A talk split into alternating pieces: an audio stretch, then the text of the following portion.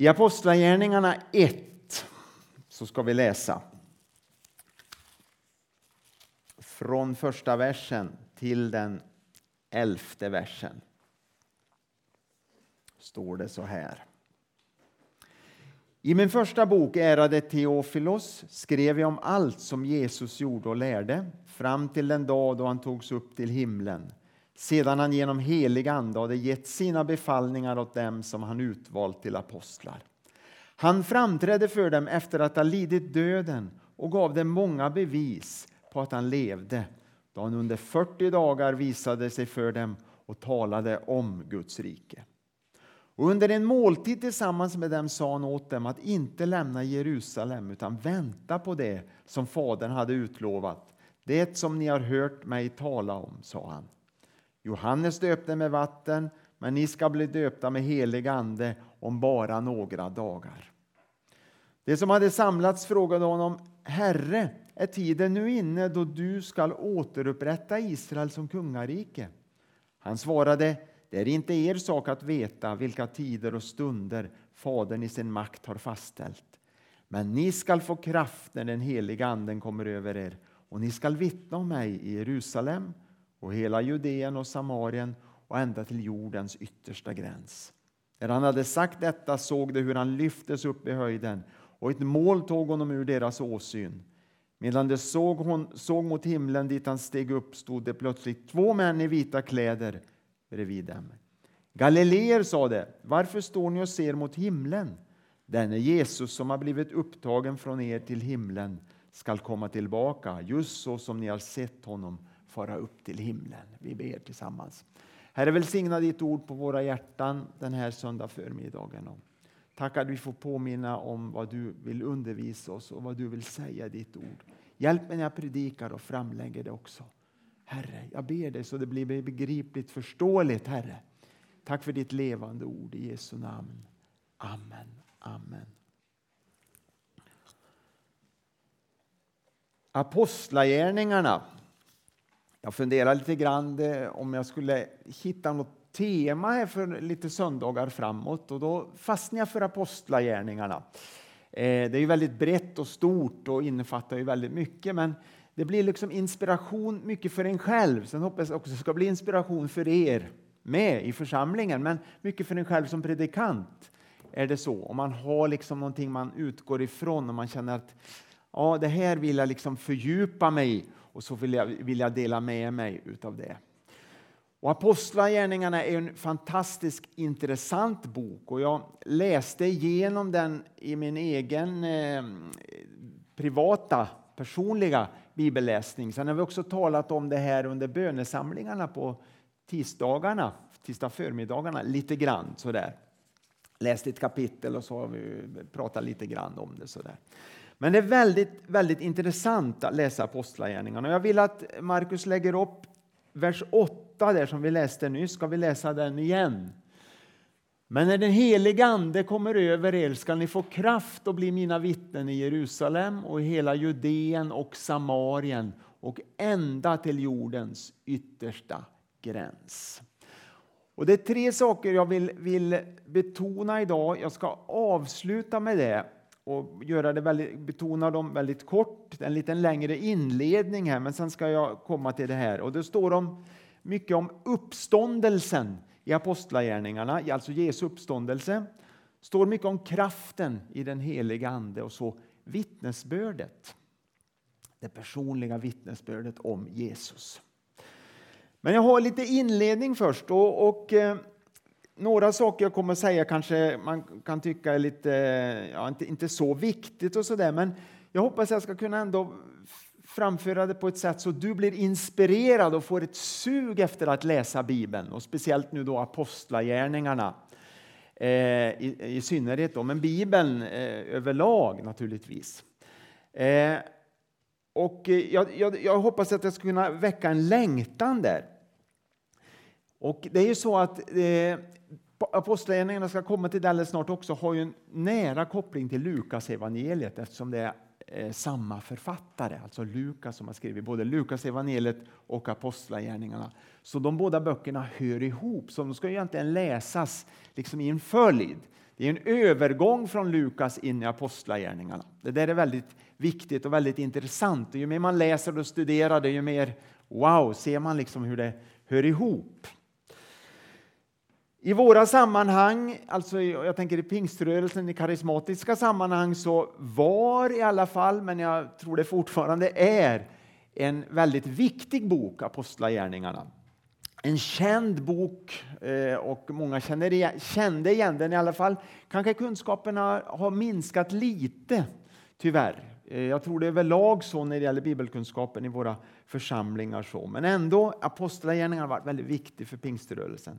Den är grundläggande för läran om andedopet som vi talar om och eh, undervisar om mycket. Den är dramatisk, den är spännande att läsa. Jag tror du håller med mig om du har läst Apostlagärningarna. Det är berättelsen när Jesus lämnar den här världen, Kristi himmelsfärd till exempel. Det är pingsten, det är väldigt eh, speciellt. Den första församlingen som vi läser om ofta och, och, och eh, har som vår förebild. Petrus kan vi läsa om, en lärjunge som är, är väldigt intressant och, och de andra lärjungarna också.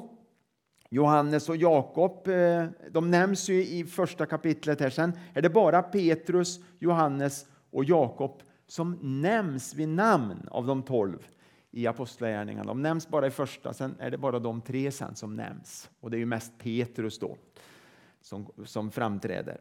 Stefanos, första martyren, kan man läsa om. Filippos, väldigt dramatiskt, en av diakonerna, hur han predikade. Aposteln Paulus och alla missionsresorna han gjorde. Alla under som, som sker i Apostlagärningarna, syner de får vara med om.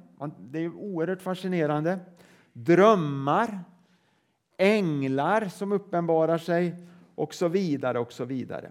Vi lär oss också vad som predikas i första församlingen.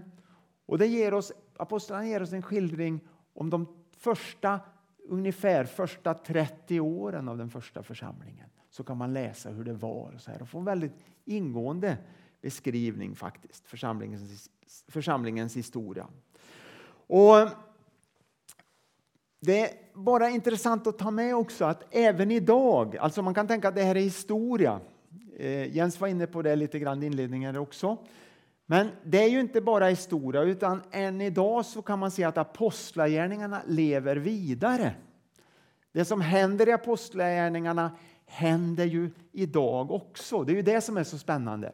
Vi kanske inte ser det så mycket. Vi lever i kanske en lite tryggare sammanhang och sådär. Men visst, om jag skulle fråga er så är det många av er som skulle säga att ni har varit med om under och Gud har gripit in Eh, ganska dramatiskt ibland. Jag tror de flesta skulle eh, kunna eh, ge vittnesbörd om det här.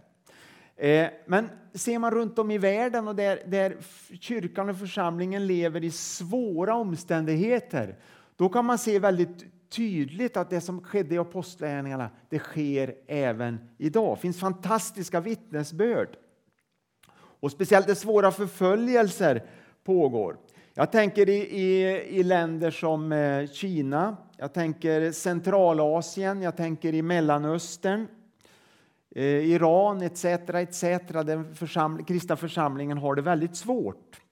Och nyligen läste jag i, satt och bläddrade i två tidningar som vi får hit till, till församlingen. En är från Open Doors som talar om förföljda kyrkan i vår värld. Den andra är Ljus i öster Också intressant. Jag vet att Olga och Staffan har jobbat lite i den organisationen. Väldigt intressant att läsa ifrån de här tidningarna. Och eh, ledaren, jag tror det var ledaren i Ljus i Öster som skrev lite grann om Broder Jun. Jag har talat om honom tidigare här, en kinesisk pastor eh, som jag lyssnade på för inte så länge sedan.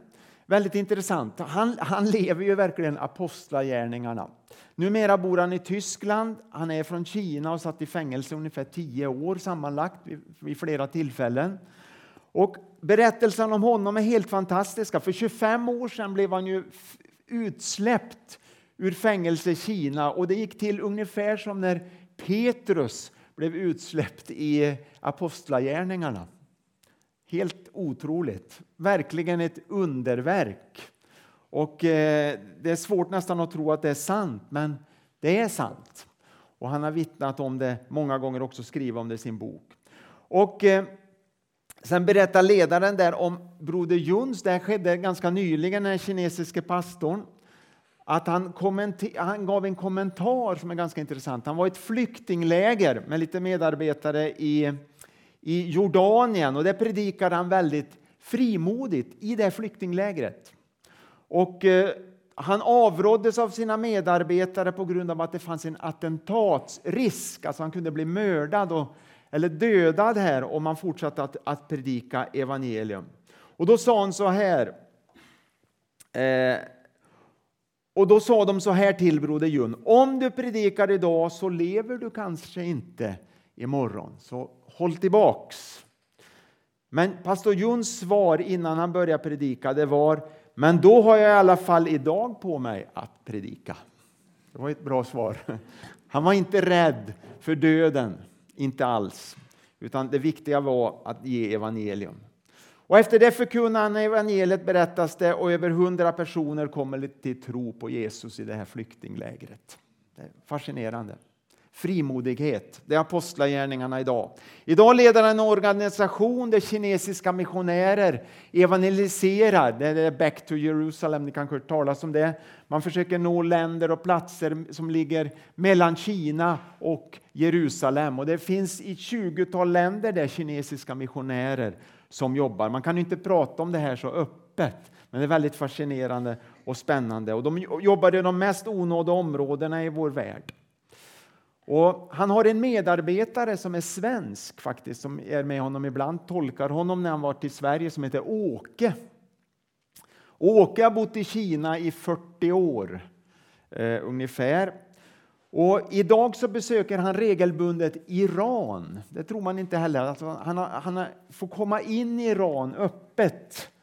Och så här, och han har inga problem med det.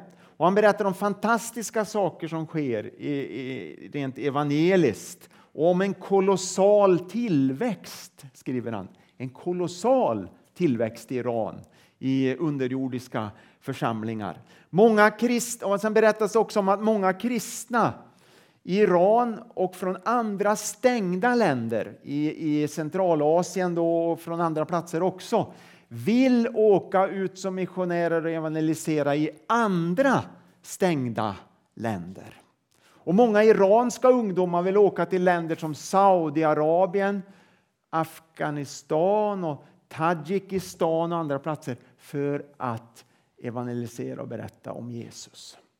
Så det är ingen försiktighet här, här och det är ingen rädsla för att eh, hamna i fängelse eller att ens förlora sitt liv. Och det, det är väldigt intressant. Och det är verkligen apostlagärningarna idag. Jag vill bara stryka under det och säga att apostlagärningarna lever vidare. Det är inget bara historiskt vi pratar om, utan det är här och nu. Och det finns mycket också i Sverige som händer och sker, men kanske inte vi hör på, riktigt på samma sätt och kanske inte lika dramatiskt alltid, men Gud verkar i Sverige också idag.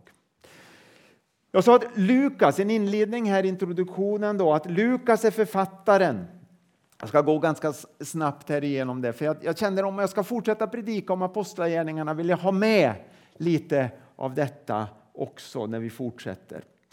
Det är en stark koppling till just Lukas evangeliet, apostlagärningarna.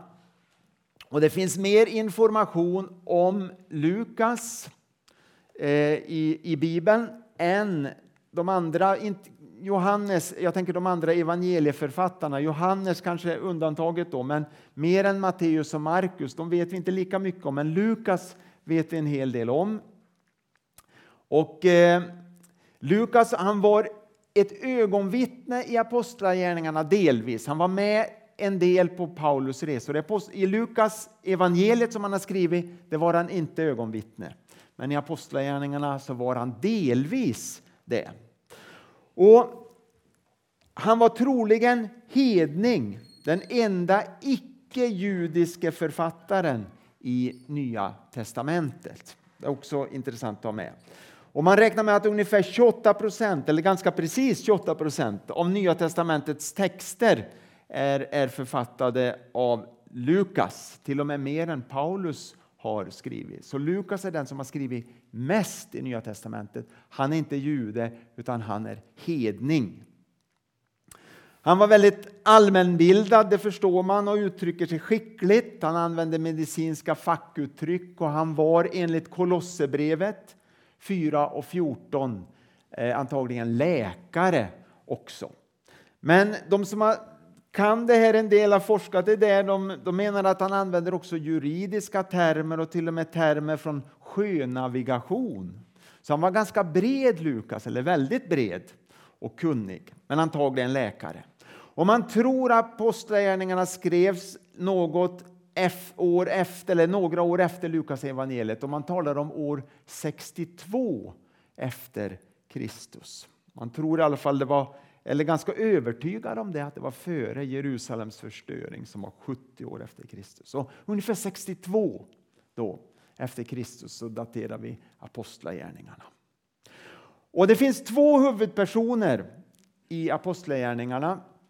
Nu talar vi om de mänskliga. Jag tänker inte på den heliga Ande och, Jesus och så. Det, det, är ju naturligtvis, man skulle kunna säga att Apostlagärningarna är ju den heliga Andes gärningar mer, kanske boken skulle heta egentligen. Men två personer, och det är Petrus som är huvudpersonen i den första delen. Och sen, vem är det sen?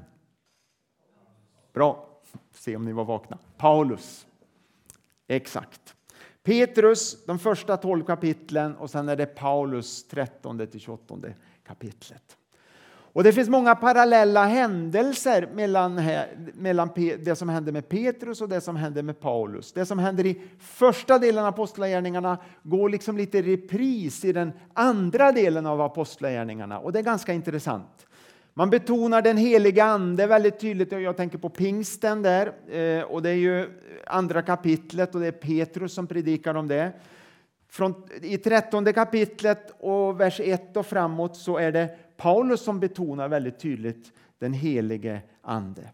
Helande och försvarstal efter helandeundret. Petrus är med om det i tredje kapitlet, första verserna 1 26. Sen är det Paulus från 14 kapitlet och några verser framåt så är det samma eh, ordning där. Det sker helande och sen är det försvarstal. Eh, stening, alltså, och då är det inte Petrus, utan, men det är ändå under den epoken och Petrus är liksom huvudpersonen. Det Stefanus blir stenad till döds. Faktiskt blev Paulus också stenad. Kommer ni ihåg det? Han blev faktiskt det också. Men det står att han reser sig upp och så går han in i stan och så fortsätter han dagen efter på sin predikoresa. Så eh, jag vet inte hur, eh, hur, hur, hur det gick till riktigt. Om han dog av steningen och Gud återuppväckte honom eller om, om Gud helade honom, att han överlevde. Ja, det, det står inte om det. Men det är ganska intressant. 14 kapitlet står det om det, Paulus. Sen har du också missionen till hedningarna, också fängelsevistelser. Och det läser vi om Petrus i tionde kapitlet. Och så till elfte kapitlet och så tolfte kapitlet också står det om, eh, om det. Och sen har du om Paulus från trettonde kapitlet och ända till tjugoåttonde kapitlet. Missionen bland hedningar och fängelsevistelser. Både Petrus och Paulus fick sitta i fängelse. Sen finns det också en gemensam struktur mellan Lukas och Apostlagärningarna. Det står om Jesu uppståndelse i båda böckerna. Lukas slutar med Jesu uppståndelse och Apostlagärningarna börjar med det. Också Kristi himmelfärd, alltså Jesu himmelsfärd, det slutar ju Lukas med och så börjar där. Eh, alltså eh, Lukas och så går det in i, i, i Apostlagärningarna att Jesus lämnar den här världen. Och även geografiskt kan man hitta intressanta kopplingar. Och eh, Lukas han börjar ju under romerska kejsare. När Jesus föddes, och stå, det står två gånger om kejsarna i början på Lukas e- evangelium. Och så går det vidare till hednaområden, alltså Jesus han går till Galileen som räknas som hednaområde, mycket bodde naturligtvis judar där men, men var hedningar också. Sen Judeen och Samarien och så Jerusalem. Medan apostlagärningarna tvärtom börjar i Jerusalem, sen blir det Judeen och Samarien, sen hedningarnas område, jordens yttersta gräns och så slutar det i Rom bland kejsare, eller hos kejsarna.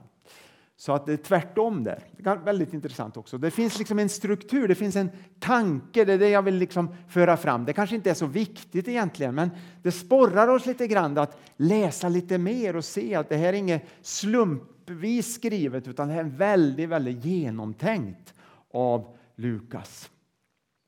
Och Sen finns det också paralleller, andra intressanta paralleller, jag ska inte ta tid mycket med det, men mellan Lukas evangeliet och apostlagärningarna eh, som vi kan se att i Lukas evangeliet så är det ett förord där det också är apostlagärningarna. Sen kommer anden, den heliga ande genom bön, det sker i Lukas och det sker i apostlagärningarna. Sen kommer en inledande predikan i början av Lukas av Jesus och det har vi också i apostlagärningarna, Petrus predikan. Sen blir det en lam man som helas i början också där i Lukas, också i Apostlagärningarna på samma sätt, samma ordning. Sen blir det en konflikt med de religiösa ledarna i, i Lukas, det blir också Apostlagärningarna. En inbjudan till en romersk officer i, i, i Lukas evangeliet, Jesus blir inbjuden. Det blir det också i Apostlagärningarna, Petrus. En änkas son uppväxt från döden, Lukas, Apostlagärningarna.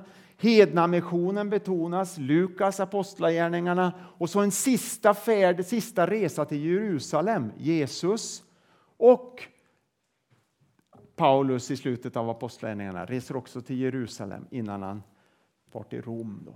Så det, det är intressant, några, några exempel där. Och så visar båda skrifterna på den sociala effekten på olika samhällsklasser och grupper grupper när de får del av evangeliet. Rik och fattig lyfts fram. Samma. Båda har del av evangeliet. Herre och slav. Ingen skillnad mellan man och kvinna. Ingen skillnad mellan jude och hedning och så vidare. Det lyfter Lukas tydligt fram, även de andra evangelierna naturligtvis, men Lukas är väldigt tydlig här, men också apostlagärningarna. Så går vi in för landning. Det är tre, tre kort, jag vill eh, nämna tre, de här tre punkterna jag nämnde inledningsvis. Och det här är viktigt. Det här önskar jag att liksom verkligen eh, ska beröra ditt hjärta som en, en påminnelse för oss vad som är oerhört viktigt. En viktig lärdom från, från eh, apostlagärningarna att ta med sig och leva i under vardagen, vårt vardagsliv.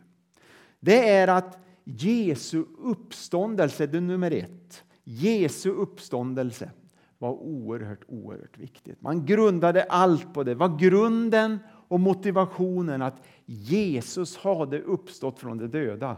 Utan det så var det ingenting värt med evangeliet. Det var det centrala budskapet i hela boken.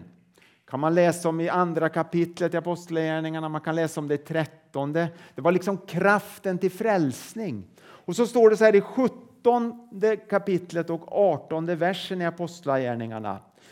Och så, det är när Paulus är i Aten. Och så säger de här filosoferna så här. Han är tydligen en som vill införa främmande gudar. Paulus predikar ju budskapet om Jesus och vad då? uppståndelsen. Det var det han predikade om. Det var liksom väldigt revolutionerande. Och en del gjorde sig till åtlöje av det här, eller tyckte Paulus gjorde sig till åtlöje när han talade om sådana saker. Man kan ju inte prata om någon som har uppstått. Det fungerar ju inte, passar inte in här. Men uppståndelsen finns alltid med. I 23 vers, kapitlet och 6 versen står det så här. Mina bröder, jag är farisé och mina fäder var fariser. Det är Paulus som säger det här. Det är för hoppet om det dödas uppståndelse som jag nu har ställts inför rätta. Det dödas uppståndelse. Det är liksom grunden och motivationen för de första kristna. All villfarelse som finns, som fanns på den här bibelns tid, men också som finns idag, det kan du studera. Sekter och kulter som växer fram. De ändrar innebörden när det gäller korset Jesu död men också uppståndelsen. Man tar bort det, det blir inte viktigt. Man för, bortförklarar det på olika sätt. Antingen uppstod Jesus bara andligen eller också överlevde han korsfästelsen eller också... Ja, det finns massa olika exempel på det här. Men in, i, i, i, biblisk kristendom då är det oerhört centralt och oerhört viktigt, det går inte att kompromissa någonting på det, att Jesus uppstod från de döda. Så för de första kristna var uppståndelsen avgörande. Allt är meningslöst utan uppståndelsen. Och det stannar inte vid Jesu död på korset utan han uppstod i sin kropp. verkligen. Det är hoppets budskap och det är grunden till frälsningen. Jesus dog för våra synder, men han uppstod för vår rättfärdiggörelses skull. Nummer två. Vittnesbördet om Jesus. Alltså ha rätt fokus. Alltså man vittnade om uppståndelsen. Man vittnade om Jesus. Och Det var som ett framåtskridande. Man, tänkte, alltså man arbetade i Jerusalem, sen blev det Judeen, Samarien och så till jordens yttersta gräns. Och Det gäller alla folk på jorden, precis som du sa där i inledningen, att det gäller alla. Och Det handlar om att vi ska vara trogna att föra ut evangeliet, både på hemmaplan och långt borta. Så vårt ansvar gäller både vår närhet, alltså våran, e, vår egen kultur. Man skulle kunna säga så här att det gäller vårt samhälle, det gäller Lugnås, är vårt ansvar. Det är verkligen hemmaplan. Men sen lite längre bort och kanske när det blir lite kulturkrockar och så där kan man tänka att det, att det gäller Sverige i stort. Att vi har ett ansvar för hela vårt land, inte bara Lugnås, utan vi har ett ansvar att be för, stötta olika evangelisationsprojekt och så vidare i hela vårt land. Men sen gäller det också de som är långt borta, helt andra kulturer. Och det är därför vi har missionsarbete. Jag ser de här flaggorna längst bak här också. Att det gäller andra kulturer också. Vi har ett ansvar för det. Vi får aldrig tappa bort det. Vittnesbördet om Jesus, både här hemma men också långt borta. Så i Apostlagärningarna så talas om mission i närmiljö, sin egen kultur, men också delvis en annan kultur än den judiska och helt utanför den invanda kulturen. Och så ska vi fortsätta predika evangelium troget och berätta om Jesus. Och Det står så här, bara en liten parentes i sjunde versen i första kapitlet, säger i det vi läste i Apostlagärningarna så frågar Jesus, eller frågar lärjungarna vad, som, vad det ska bli för tecken eh, när han ska upprätta Israel som kungarike. Och då säger Jesus en sak, det är bara en liten parentes jag, jag tänkte på när jag läste det. Det är inte er sak att veta vilka tider och stunder Fadern i sin makt har fastställt, säger Jesus till lärjungarna.